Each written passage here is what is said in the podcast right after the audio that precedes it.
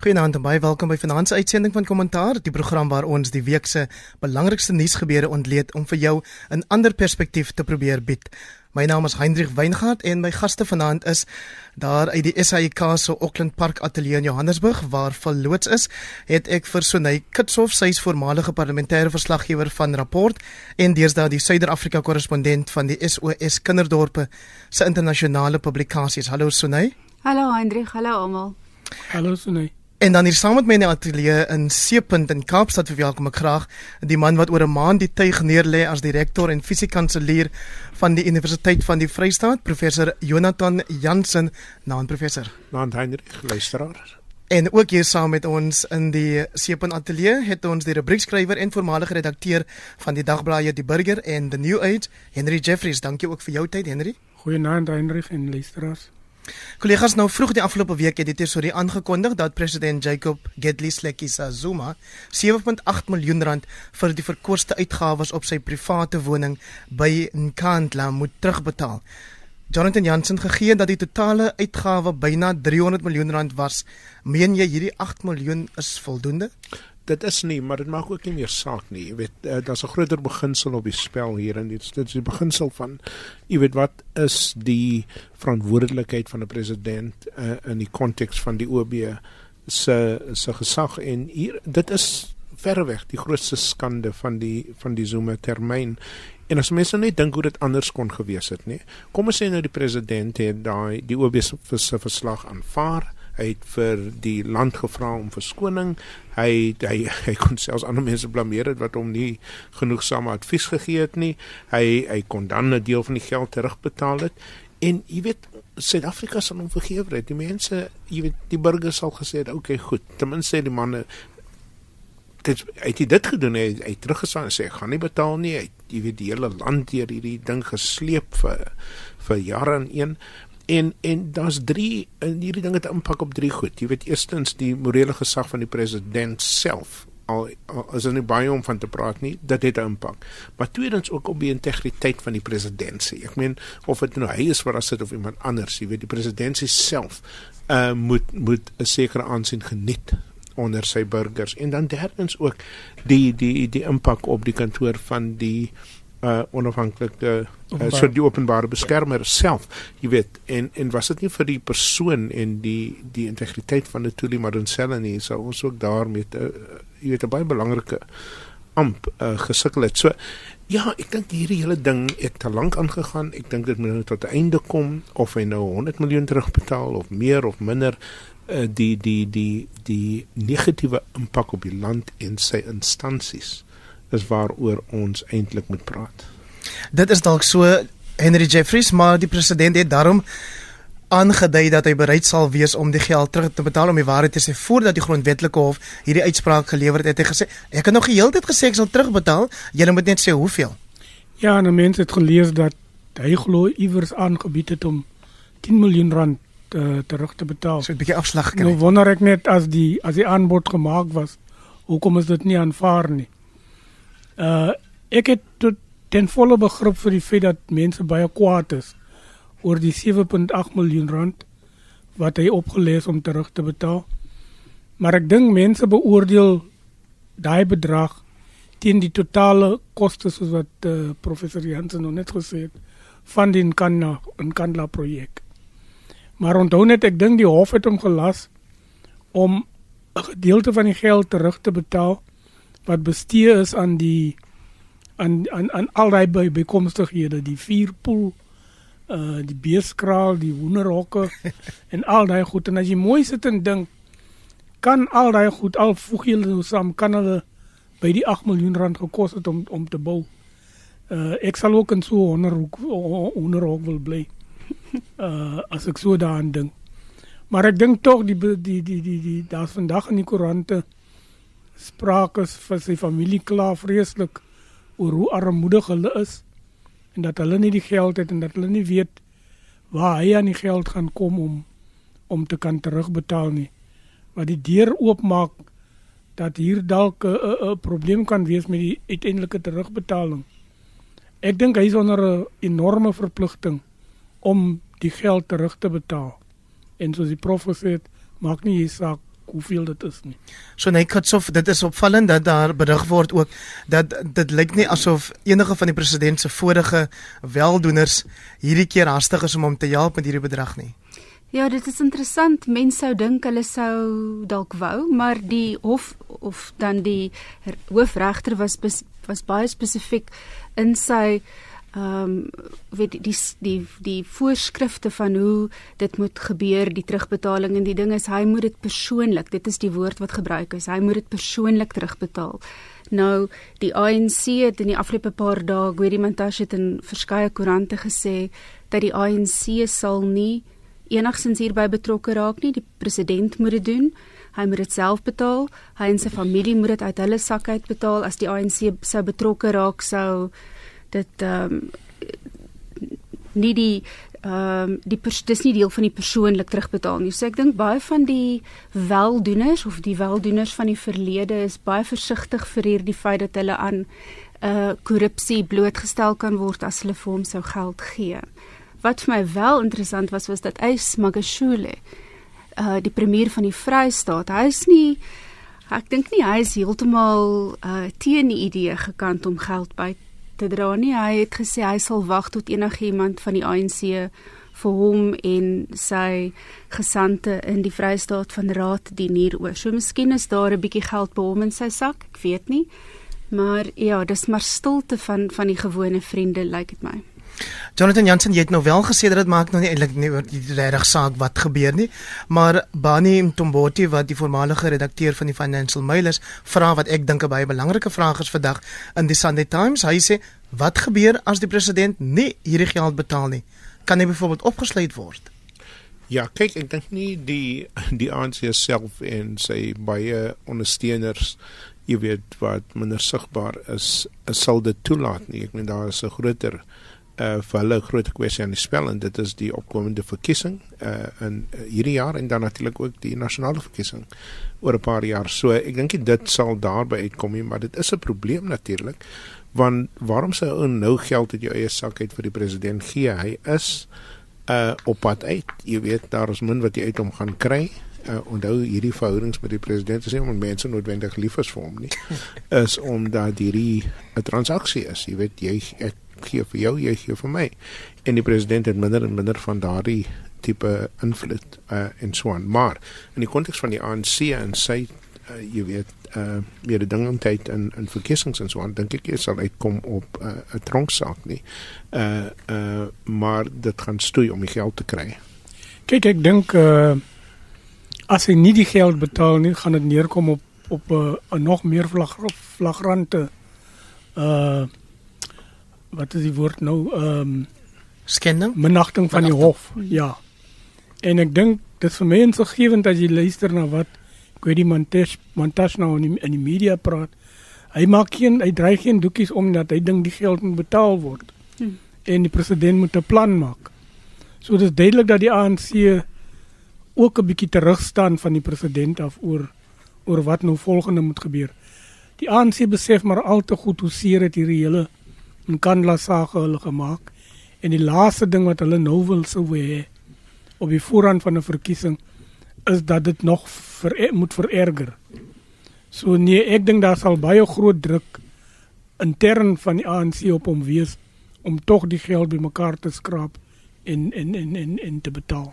Nou ons weet natuurlik dat die terugbetaal van die geld een van die aanbevelings was wat die openbare beskermer advokaat Thuli Madonsela se ondersoek na die Nkandla veiligheidsopgraderings gemaak het. Uh, nou Madonsela se termyn verstryk een van die dae Oktober om die waarheid te sê en dan is daar nou die afgelope weke baie dink ek indrukwekkende lys van genomineerdes bekend gemaak. So Nay Kitsoff, daar's name soos Prex Governor wat 'n voormalige ANC LP is en dan is daar advokaat Mojanki Gumbi wat saam met president Thabo Mbeki gewerk het. Ek sien ook Nick Huysum se naam is daar. Hy was president Mandela se se regsverteenwoordiger en dan is daar ander soos advokaat Dali Mpofu wat deesdae die nasionale voorsteur van die Economic Freedom Fighters is en so aan. Wat maak jy van daai lys?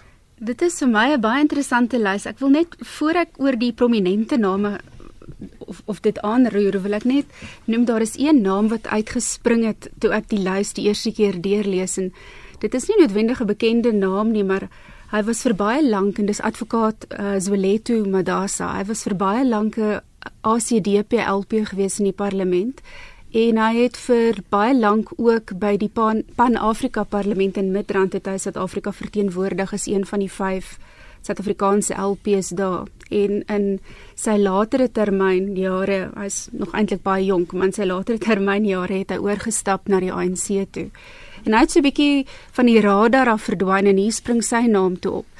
Ehm um, so hy's redelike ervare ou hy hy hy ken Ek dink hy, hy hy sal weet hoe om die parlementêre stelsel beter by die OB se werksaamhede by te bring want ek dink die huidige OB in die parlement het nie altyd so lekker saamgewerk nie.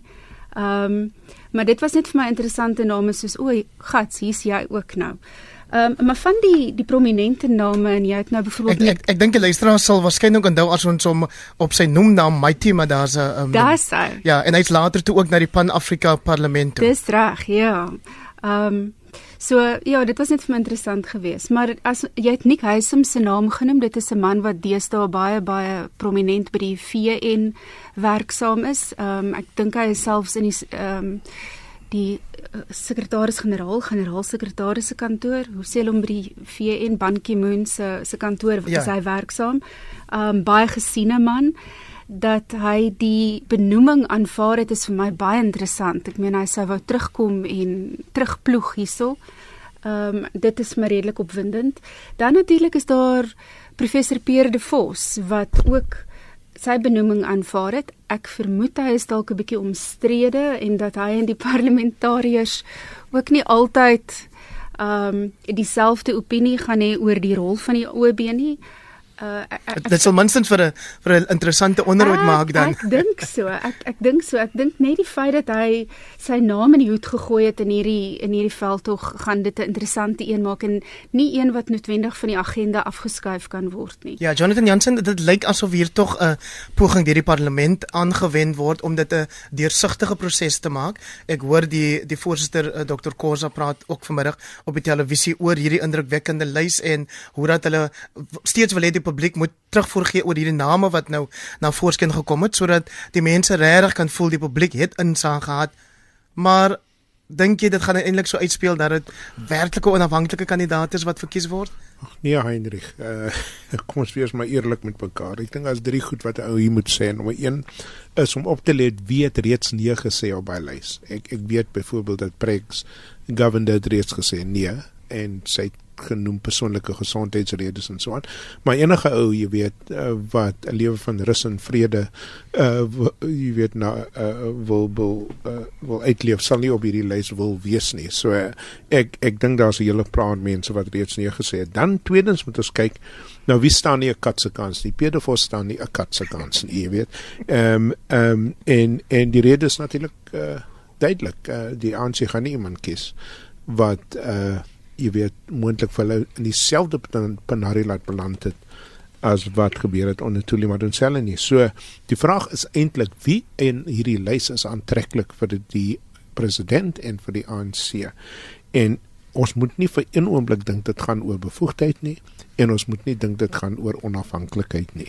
Dit gaan oor iemand wat haar in hy stoel kan sit en minder van 'n las wees uh vir die regerende party en die president self en dit is die een les wat ek nou vir jou kan sê. Uh ons uh so nie aan ja die demokratiese proses ja ja almal neem deel almal sê hulle ding maar ek sal dit te ernstig opneem. En Jeffries dink jy ook ons word 'n rad voor die oë gedraai. Kyk ek dink die ANC gaan nie toelaat dat hulle weer 'n toelie maar dan maar dan sê hulle aanwys nie. Uh dis vir my duidelik dat hulle sal hierdie ding so doen sodat hulle tevrede is dat wie ook al hulle aan, aanstel uh, min of meer na hulle pype sal dans vir wanneer dit nodig gaan wees en sodat ek die regerende party deesdae lees gaan dit omtrent altyd nodig wees om om 'n goeie kameraad in plek te hê by by by die openbare beskermer. Hulle gaan nie dieselfde fout maak wat hulle met toe die Madonsela gemaak het nie. Dit is 14 minute oor 8 hier op RSG en Jy luister na kommentaar saam met my Hendrik Weingart. Nou die afgelope week het ons op ons susterprogramme Monitor en Spectrum hier op RSG 100 tot 104 FM natuurlik 'n storie gehoor wat baie breedvoerig gehanteer is op daai spesifieke twee programme. Dit is die dissiplinêre optrede en skorsing van die uitvoerende regisseur van hierdie program Futa Kriege en vyf ander SAK joernaliste wat ook dissiplinêr verhoor gaan word. Ehm um, nou regskenners en arbeidskenners en media kommentators het almal reeds deur die week hul menings gegee oor hierdie verwikkelinge. Ek wil graag hê paneel dat ons 'n bietjie weier moet probeer kyk vanaand deur oor sensuur en mediavryheid in 'n breër konteks te praat. Henry Jeffries as as oud redakteur, as jy nie omgee nie, wil jy nie vir ons afskop deur vir ons te hoe staan dinge met mediavryheid in ons land en in die wêreld vandag? Ek dink die afgelope klompie jare het ons rede gehad tot kommer. En laat ek dit duidelik stel. Daar kan geen twyfel wees dat dit wat by die SAIK aan die gang is, uh vertolk kan word as as 'n aanslag op op op op media vryheid of of, of sensuur. Uh die goed wat daar aange, aange, aange, aangejaag word, uh bots lyn reg met die idee van van media vryheid en die soort vryheid wat ons in ons grondwet verskans het. Wat mediavryheid in die breë betref in in in in die land dink ek ons is nog steeds vryer as wat ons ooit was onder die vorige regime. Uh dis nou ironies dat dit weer by die by die SAIK so so so lelik uitval. Want dit is die instelling wat onder die vorige regime heeltemal onder beheer van die van die regerende politici was. Ons onthou die tye toe toe die voormalige president PW Botha nie gehuiwer het om sy telefoon by die huis op te tel en sommer die nuus program te onderbreek as hy nie van 'n storie gehou nie gehou het nie en dat die die die die die mense in die nuuskantoor dan maar genoodsaak ge, ge, gevoel het om om om na sy pype te dans. Ek dink wat by die SABC gebeur is 'n goeie ding vir vir vir vir vir media vryheid of vir media sensuur nie.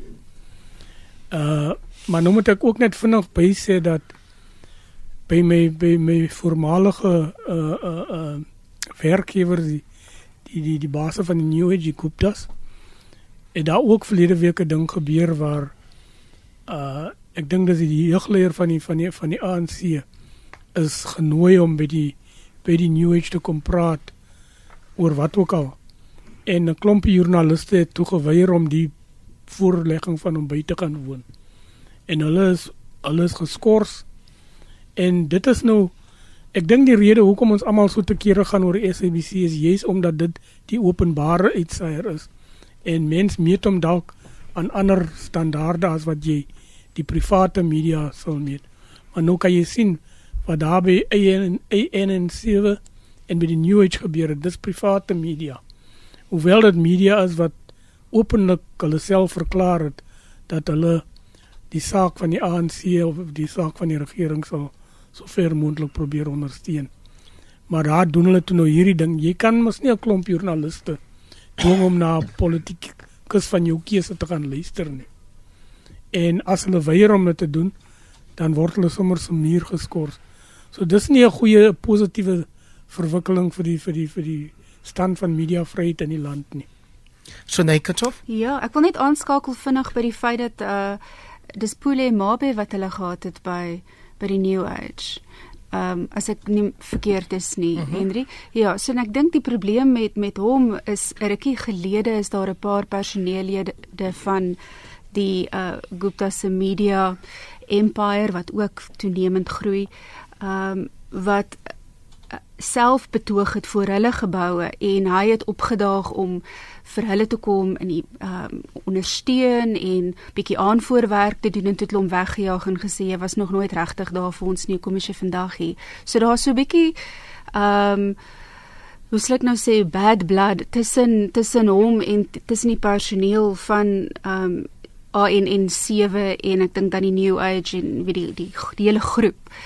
Uh so dis die geskiedenis ek dink daar agter, maar wat vir my nou kommerwekkend is is dat ons dit 'n jaar of 2, nee, dis nou al 3, 4 jaar terug die hele storie van die IOL en die independent groep en Equal Survey um en hoe sy koerante ook definitief ondersteunend aan die weet hulle ondersteuning aan die ANC uh, toe sê en daar is baie van die gesoute joernaliste weg by die koerante dan is daar nou natuurlik die ANN7 en die New Age en nou het ons die SAIK so dit is soos dit is amper soos 'n golf wat besig is om groter en groter te word en wat vir my regtig hierso ongelukkig maak is dat ons was nog hierdie baken van hoop gewees in Suider-Afrika en in Afrika. Ons het nie staatsmedia in die in die streng hoe dit streng in ander lande is nie en dit is omdat die ANC van uh, voor 1994 dit is hoekom dit verskans is in ons grondwet gesê hulle wil nie weer hê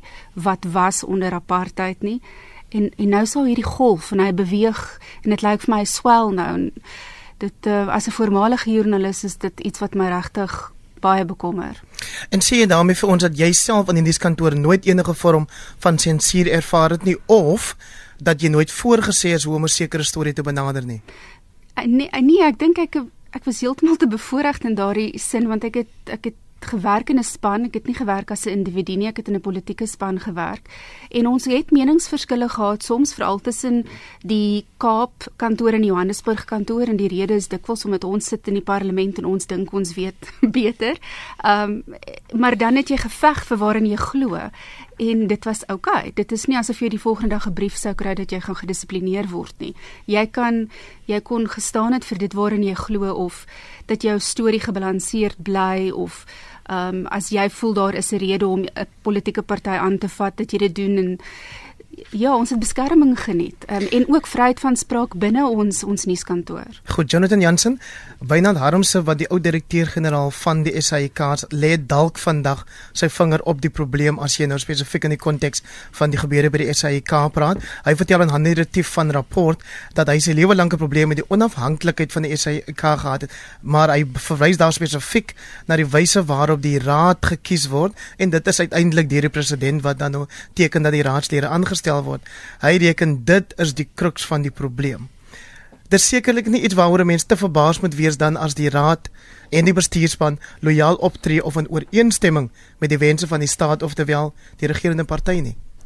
Ja, kyk, dit is altyd vir my jy weet verrassend hoe die wit nasionaliste onder apartheid en die swart nasionaliste na apartheid op presies dieselfde manier werk met die media. Jy weet, uh, ons het al die slegte maniere geleer uit die verlede uit. Maar Slaudi self vir my is oninteressant. Wat vir my belangrik is is juis wat jy nou daar genoem het. En dit is hoe kom hy in so 'n pos en wie hou hom daar? En jy weet, dit is want leiers kies nie hulle self nie. Jy weet hy hy kan nou aangaan as 'n Bobbejaan. Jy weet maar 'n leier kies nie homself nie. 'n Leier is daar en ehm um, en en iemand hou hom in daai posisie en dit is eintlik wat ons moet vra en daar en daai ouetjie regter sy vinger op die probleem gelê maar dit gaan nie net oor die SAIK en ek kan nie dit gaan oor die Suid-Afrikaanse lugdiens dit gaan oor onder die krisis in in in Eskom wat ons probeer oorleef. Dit gaan oor die feit dat hierdie nuwe normaal vir ons is onbevoegdheid. Ons gee nie om as ons onbevoegde leiers het of dit nou in die presidentskap is of in hierdie parastatals nie. En dit is iets wat in 'n verwys weer eens na die lae verwagtinge wat geskep word uh van ons bestuurders, van ons leiers in die openbare terrein. En dit is 'n baie groter probleem as Slaudi Motsoeneng. Nou hier is 'n opslagbal vir jou. Dit is sekerlik so dat nie net uh, die regerende partye of ander politieke partye verwag dat die media aan hulle kant moet wees of meer vriendelik oor hulle moet verslag doen nie. Jouself het op 'n keer te velde getrek teen die Volksblad wat jy gereken het te krities is oor dit wat jy probeer doen daar op die kampus van die Universiteit van die Vrystaat om die waarheid te sê jy selfs media vriende nog se hoofbestuur gaan sien daaroor. Ja, en en ek dink dit is die reg wat jy het. Jy weet, die bedoeling om dit jy in die pers is, jy kan sê wat jy wil nie. Dit gaan oor die waarheid. En as iets nie waar is nie en onlangs byvoorbeeld Helen Zille het uitgevaar teen uh jy weet uh, service koranten en en die uh die uh ouens wat daaroor uh beredeneer het gesê dat uh, sy was verkeerdelik aangehaal. So ek dink die die regte ding om te doen is om persvryheid te hê, maar persvryheid bedoel ook persverantwoordelikheid en dit bedoel dat elke burger het die reg om te sê maar dis nie reg nie, dis nie die waarheid nie, dit is nie wat gebeur het nie en so aan en so voort. Maar aan die einde van die dag of jy nou 'n rektor is van 'n universiteit of die president van die land, jy weet, sonder media vryheid en verantwoordelikheid jy weet sink ons almal Eder Jeffrey hoe hanteer 'n redakteur dit as 'n Jonathan Jansen of dan nou 'n hoofbestuurder van 'n uh, of dit nou die SAK is of 'n Media 24 of 'n uh, ehm um, Gupta Media organisasie is ehm um, hoe hanteer jy daai druk as jy daar in die nuuskantoor sit? Ag ek dink wat jy doen is jy jy maak jou deur oop, jy nooi die ou in vir 'n koppie tee of koffie en jy luister hopelik met met met nodige empatie. En as jy oortuig word dat wat jy doen nie die regte ding is en sal jy hopelik van van van van van weer verander. Dink jy dit is ook 'n regte ding dat die minister van kommunikasie Fait Mutambi nou weer voorspraak gemaak het daarvoor dat die dat joernaliste gelisensieer moet word of dat hulle by een of ander professionele liggaam geregistreer of geakkrediteer moet word sodat hulle nie sê sy ander mense se regte vertrap nie. Nee, ek is nie 'n voorstander van die lisensiering van joernaliste nie. Uh dit is die een ding wat ons gevrees het toe die ANC met die idee rondgeloop het om 'n uh, 'n statutêre media tribunaal aan te stel en wetgewing daaroor te skryf. Was jy dat jy jy skryf dan die verantwoordelikheid vir die media en die optrede van die media in die hande van die politici. En die politici kan soms te hoog heilig te kere gaan, maar wat hulle kan doen met oral in die wêreld het jy al gesien waar die media in die hande van die regerders beland is dit net niks goed vir vir die vloei van inligting en die toegang wat mense het tot inligting wat hulle lewens van dag tot dag raak. Jonathan Jansen, maar dit is ook sodat daar mense is wat sê die media is te hoog heilig en hulle voel half hulle is onaantastbaar. Nee, ek dink kyk ek dink ek ek ek is 'n liberale ou in daai sin. Jy weet vir my gaan dit oor die media kan sê wat hy wil en doen wat hy wil en en veral met mense wat hoog geplaas is en veral die politici moet die media uitspraak hier daaroor. Maar daar is 'n belangrike lyn en daai lyn gaan oor die waarheid. Is dit waar wat jy sê? Of byvoorbeeld soos een van die koerante gaan nou nie name noem nie. Uh wat ehm um, jy weet 'n hele 'n kampanje het, jy weet teen 'n rektor van uh nie ek nie, 'n rektor van 'n universiteit. Nou dis verkeerd. Jy weet en dit is ook iets waaroor ons moet kan praat en en Hoe kom mense tot daai slot som dat 'n veld tog gevoer word? Dit uh, is baie maklik. As jy elke dag jy weet verkeerdelik aangehaal word jy's op die voorblad van die nuus ons praat nou hier van die Kaap te loops en en daar is ehm um, en persone wat persoonlik aangeval, nie oor 'n posisie nie, nie oor 'n standpunt nie, nie oor 'n argument nie, maar wese jou menslikheid, dan dink ek gaan dit te ver en dan moet mense opstaan en so aan. Ons moet nie twee goed, jy weet met mekaar meng nie. Dit gaan oor mediavryheid en dit is iets wat ons as 'n demokrasie Heinrich, moet ondersteun, maar dit gaan ook oor uh, geregtigheid en waardigheid en daar het die media ook 'n verantwoordelikheid. Ek moet net vinnig vir jou sê ek het van 'n afstand af uh dopgehou die manier waarop uh Jonathan en sy werk by die Vrystaatse Universiteit deur dele van die media gehanteer was. En ek dink hy het goeie rede gehad om omgekrap te gewees het teen daai tyd. Ek weet hy was baie kwaad geweest en ek dink nie dit was sonder rede nie. Dit is 28 minute oor 8 en jy luister na kommentaar saam met my Hendrik Weingart en my gaste vanaand, die stem waarna jy nou net geluister het, Henry Jeffries, hy's 'n oud redakteur en rubriekskrywer en dan saam met hom professor Jonathan Jansen, hy's direkteur van die Universiteit van die Vrystaat en in ons Auckland Park ateljee die voormalige parlementêre verslaggewer van rapport, Sonay Kitshof wat deesdae as korrespondent vir die internasionale publikasies van SOS Kinderdorp werk. Dis na jou toe wat ek nou wil kom Sonay Kitshof. Die maand van Ramadan Ramadan, oftewel die vastydperk van moslems wêreldwyd, word as die bloedigste in 'n lang tyd beskou. Dit natuurlik weens die terreuraanvalle wat pas in Turkye op die grootste lughawe daarso en die afgelope naweek of die naweek dan nou in Bangladesh plaasgevind het. Wat is jou indrukke? Dit is vir my uh ja, dat ek dit so stel. Toe die Orlando in in Florida, toe daardie aanval gebeur het, toe het die kommentators onmiddellik gesê, "Sjoe, maar dit lyk nie soos ISIS nie, dit lyk nie soos die tipe ehm um, taktik wat hulle gewoonlik gebruik nie. Hulle hou nie gewoonlik gijslaers aan as daar so 'n tipe aanval is nie." En toe sien ons dat daar was 'n poging tot gijs die aanhou van gijslaers in Turkye en dit was nou wel wat in Bangladesh oor die naweek weer gebeur het. Uh mhm. -huh. So duidelik is daar aan die een kant vir my 'n skuif in die manier hoe hulle hulle aanvalle uh beplan en dan natuurlik nou uitvoer. Daar was 'n oproep gewees aan ondersteuners van die van ISIS um, of Daesh of ISIL of maar die Islamitiese staat uh wêreldwyd dat hierdie Ramadan maand 'n bloedige een moet wees. So daar weet dit, dit kon erger gewees het. Dit is 'n verskriklike ding om te sê, maar weet daar kon bykans aan van aanval elke dag gewees het. So die taktiekverandering is vir my iets wat wat interessant is. Dan natuurlik wat in Bangladesh gebeur het. Dit is um plaas 'n plaaslike organisasie wat nie noodwendig verantwoordelikheid geneem het nie. Islamitiese staat het verantwoordelikheid geneem, maar die manier hoe die mense afgemaai is met kapmesse is tekenend van hoe mense um, of hoe hierdie organisasie in Bangladesh mense afmaai en daar is al 40 sterftes gewees die afgelope maand um, net in Bangladesh. En dan natuurlik die dit blyk die oortreders of die hulle is self dood in Turkye is van um Oos-Europese afkoms, is nie noodwendig Turkse mense nie. So daar's 'n absolute beweging en vloei van mense wat hierdie islamitiese staat ondersteun en soos ek sê dit dit is verskriklik om te sê maar dit kon baie erger gewees het daar kon bykans elke dag 'n aanval gewees het ons weet in Suid-Afrika is ons gewaarsku dat dat daar aanvalle kon wees Henry Jeffries. Kyk ek dink uh, dit is baie duidelik dat dat uh, die islamitiese staat baie meer gesofistikeerd geraak het en ook baie beter georganiseer.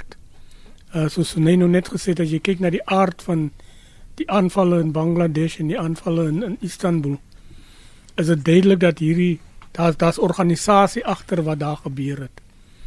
En dit is dit is baie slegte nuus dink ek vir die lande wat deur die islamitiese staat geteken word. Uh ek weet nie wat die antwoord is en hoe gaan hulle hierdie hele ding onder beheer bring nie. Maar dis ook juist die rede hoekom ek dink in Suid-Afrika moet ons nie so uh ongeërd wees wanneer ons waarskuwings kry van lande wat baie beter vertroud is met hierdie soort van ouens dat dat daar dalk aanvalle hier kan wees. Ek dink ek is nie so seker van van die gehalte van ons eie intelligensiedienste en in 'n hoë mate hulle hulle enigstens met enige geloofwaardigheid uh hierdie waarskuwing sommer net so net om egos te streel. Ja, en Jonathan Jansen daarmee saam, die kwessie van veiligheid by lughawens is 'n een wat nou weer hier onder die onder die kolle geplaas word. Dit lyk asof dit maar soort van een van die maklikste teikens is wêreldwyd. Man eintlik soos jy nou gesien het van Orlando, San Bernardino, Dakar, Istanbul en so aan. Dit kan enige plek gebeur, 'n restaurant, 'n nightclub, hmm. jy weet, en dan natuurlik ook uh, 'n uh, lughawe. En ek dink die groot probleem hier is en die politici kan dit altyd sê nie want hulle rol is ook om mense te kalmeer, is dis baie baie moeilik om hierdie goed te voorspel uh, aan die een kant en aan die ander kant natuurlik om jy weet hierdie goed uit te wis. Dis dis onmoontlik. Uh, daar's te veel mense wat te kwaad is vir vir te veel ander mense. En die groot probleem hier is dat daar is nie. Ek meen dit lok natuurlik die regses uit soos ek gesien het met Nigel Farage en Boris Johnson in in Engeland maar dan ook uh, met Donald Trump in in die FSA. Mm. En totdat daar 'n politieke oplossing uitgedink word oor hierdie goed, nie 'n militaristies een, maar 'n politieke oplossing gaan hierdie goed nog vererger en versprei.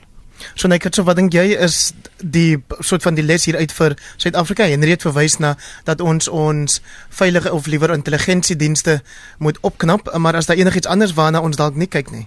In Suid-Afrika, sjo. Ehm um, ek dink nie dit kyk ek dink ook daar moet altyd 'n politieke oplossing wees. In Suid-Afrika natuurlik is vriende met lande wat nie noodwendig vriende van die weste is nie. So in daardie opsig, ek meen ons is 'n groot vriend van Rusland, ons is 'n vriend van China, ons is 'n vriend van Palestina.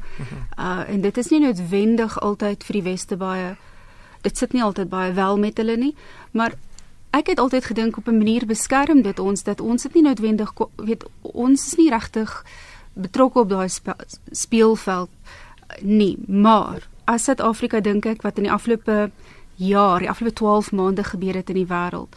Um en met die EU se uh ooreenkoms met Turkye, die feit dat vlugtelinge nie meer so maklik na Europa kan gaan nie, gaan dit gekanaliseer word na ander lande en ongelukkig is dit Afrika en dit sluit ons in. So ek dink ons moet net 'n bietjie meer uh, bedag wees dat ons nou deel is van hierdie hierdie groter ISIS wêreld.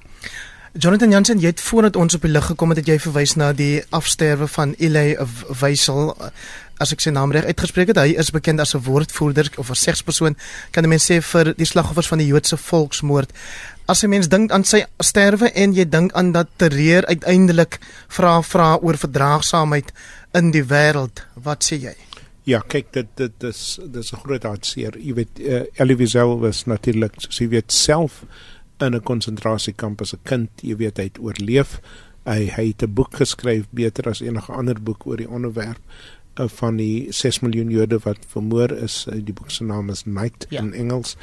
En hy meer as enige ander persoon het daai uh, jy weet daai uh, storie van van die van die moord hierdie groot volksmoord eintlik vir die res van die wêreld duidelik gemaak en sigbaar gemaak en en en daarmee ook 'n boodskap dat dit moet nooit weer gebeur nie. En ek dink in die konteks van wat ons nou oor gesels is miskien die moeite werd net om om stil te staan vir 'n oomblik, jy weet, en om mekaar te sê, jy weet, ons kan nie weer as as 'n uh, beskawing aan daai pad afloop nie. Uh te veel mense keer en en en dis nie goed vir die die die die opbou van verhoudings tussen nasies nie, maar ook tussen mense binne 'n uh, sekere uh, uh lande en en dis tyd om te weer aan te dink aan Elie Wiesel en sy boodskap. Henry Jeffries, ek dink dit sluit ook baie goed aan by 'n pad wat ons gedink het in hierdie land ons nie weer gaan afstap nie en dit is politieke geweld. Ons het nou die naweek ervaar dat 'n wykskandidaat van die ANC in KwaZulu-Natal, waar ons weet waar aan die verlede erge bloedvergieting was tussen die ANC en die IFP byvoorbeeld. En dit lyk asof ons nou weer hierdie so ding sien kop uitsteek maar ons weet ook dat daar binne die ANC self en die erken die party ehm um, meerdinging is wat dikwels lei daartoe dat mense kandidate afmaai omdat hulle dink dit gaan vir ander kandidate geleentheid gee. Politieke sluipmoorde vandag 20 jaar nadat die nuwe Suid-Afrika aangebreek het. Ja, dit is 'n baie kommerwekkende uh, tendens. En soos soos jy nou reg gesê dis nie 'n tendens wat net te bespeer is tussen politieke opponente nie, maar binne politieke partye self. Dit dit dit dit dit, dit, dit spreek van uh die uiterstes waartoe mense sal gaan om hulle hulle mags magslus te bevredig. En dit lyk nie vir my deesdae dat dit vat baie om uh om mense te kry om tot daardie uiterstes te gaan nie. Net om in 'n posisie te kom waar jy toegang kan hê tot tot tot tot tot skaars hulpbronne of toegang tot geleenthede om jouself te kan verryk. Dit is 'n ding wat die land in die, in die geheel moet aanspreek. Dit is 'n ding wat uh, die polisie moet moet moet moet moet ernstig aandag aan gee. En dit is iets waartoe ons almal ons moet verbind om met wortel en tak uit te roei. So net kort vir my mense tot oor hierdie oomblik nog nie gehoor dat die president of enige iemand in die nasionale regering in elk geval hard uitspraak lewer teen hierdie voorval nie. Nee, trouens dit is nog net eintlik Julius Malema wat dit gedoen het toe hy in Tembisa so 'n bietjie slaags geraak het met die polisie uh toe hy en van sy ondersteuners by huise besoek afgelê het waar van hulle kaders in politieke of politieke ry doodgemaak is. So nee, van die regering se kant af het ons nog nie veel gehoor nie. Ehm um, en wat ek die naweek gelees het oor die Nasionale Vryheidsparty, hulle is natuurlik nie toegelaat om deel te neem aan die verkiesing nie omdat mhm. hulle nie betyds betaal het nie.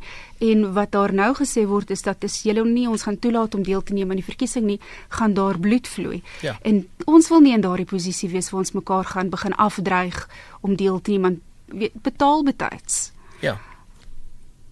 En so het ons aan die einde gekom van hierdie week se uitsending van RSG se nuusbesprekingsprogram Kommentaar. Baie dankie aan almal wat ingeskakel het en dankie veral aan my paneel. Die laaste woord wat daar daar behoort aan Sonay Kitshof, sy is korrespondent van die SOS Kinderdorp se internasionale publikasies en ook 'n voormalige parlementêre verslaggewer van Rapport en dan het ons hier saam met my in die ateljee gehad Henry Jeffries voormalige redakteur van die Burger en the New Age en steeds vandag rubriekskrywer by die Burger en dan professor Jonathan Jansen, hy is die uittredende rektor van die Universiteit van die Vrystaat. Ek is Hendrik Weingart en ek wens jou 'n fantastiese week toe.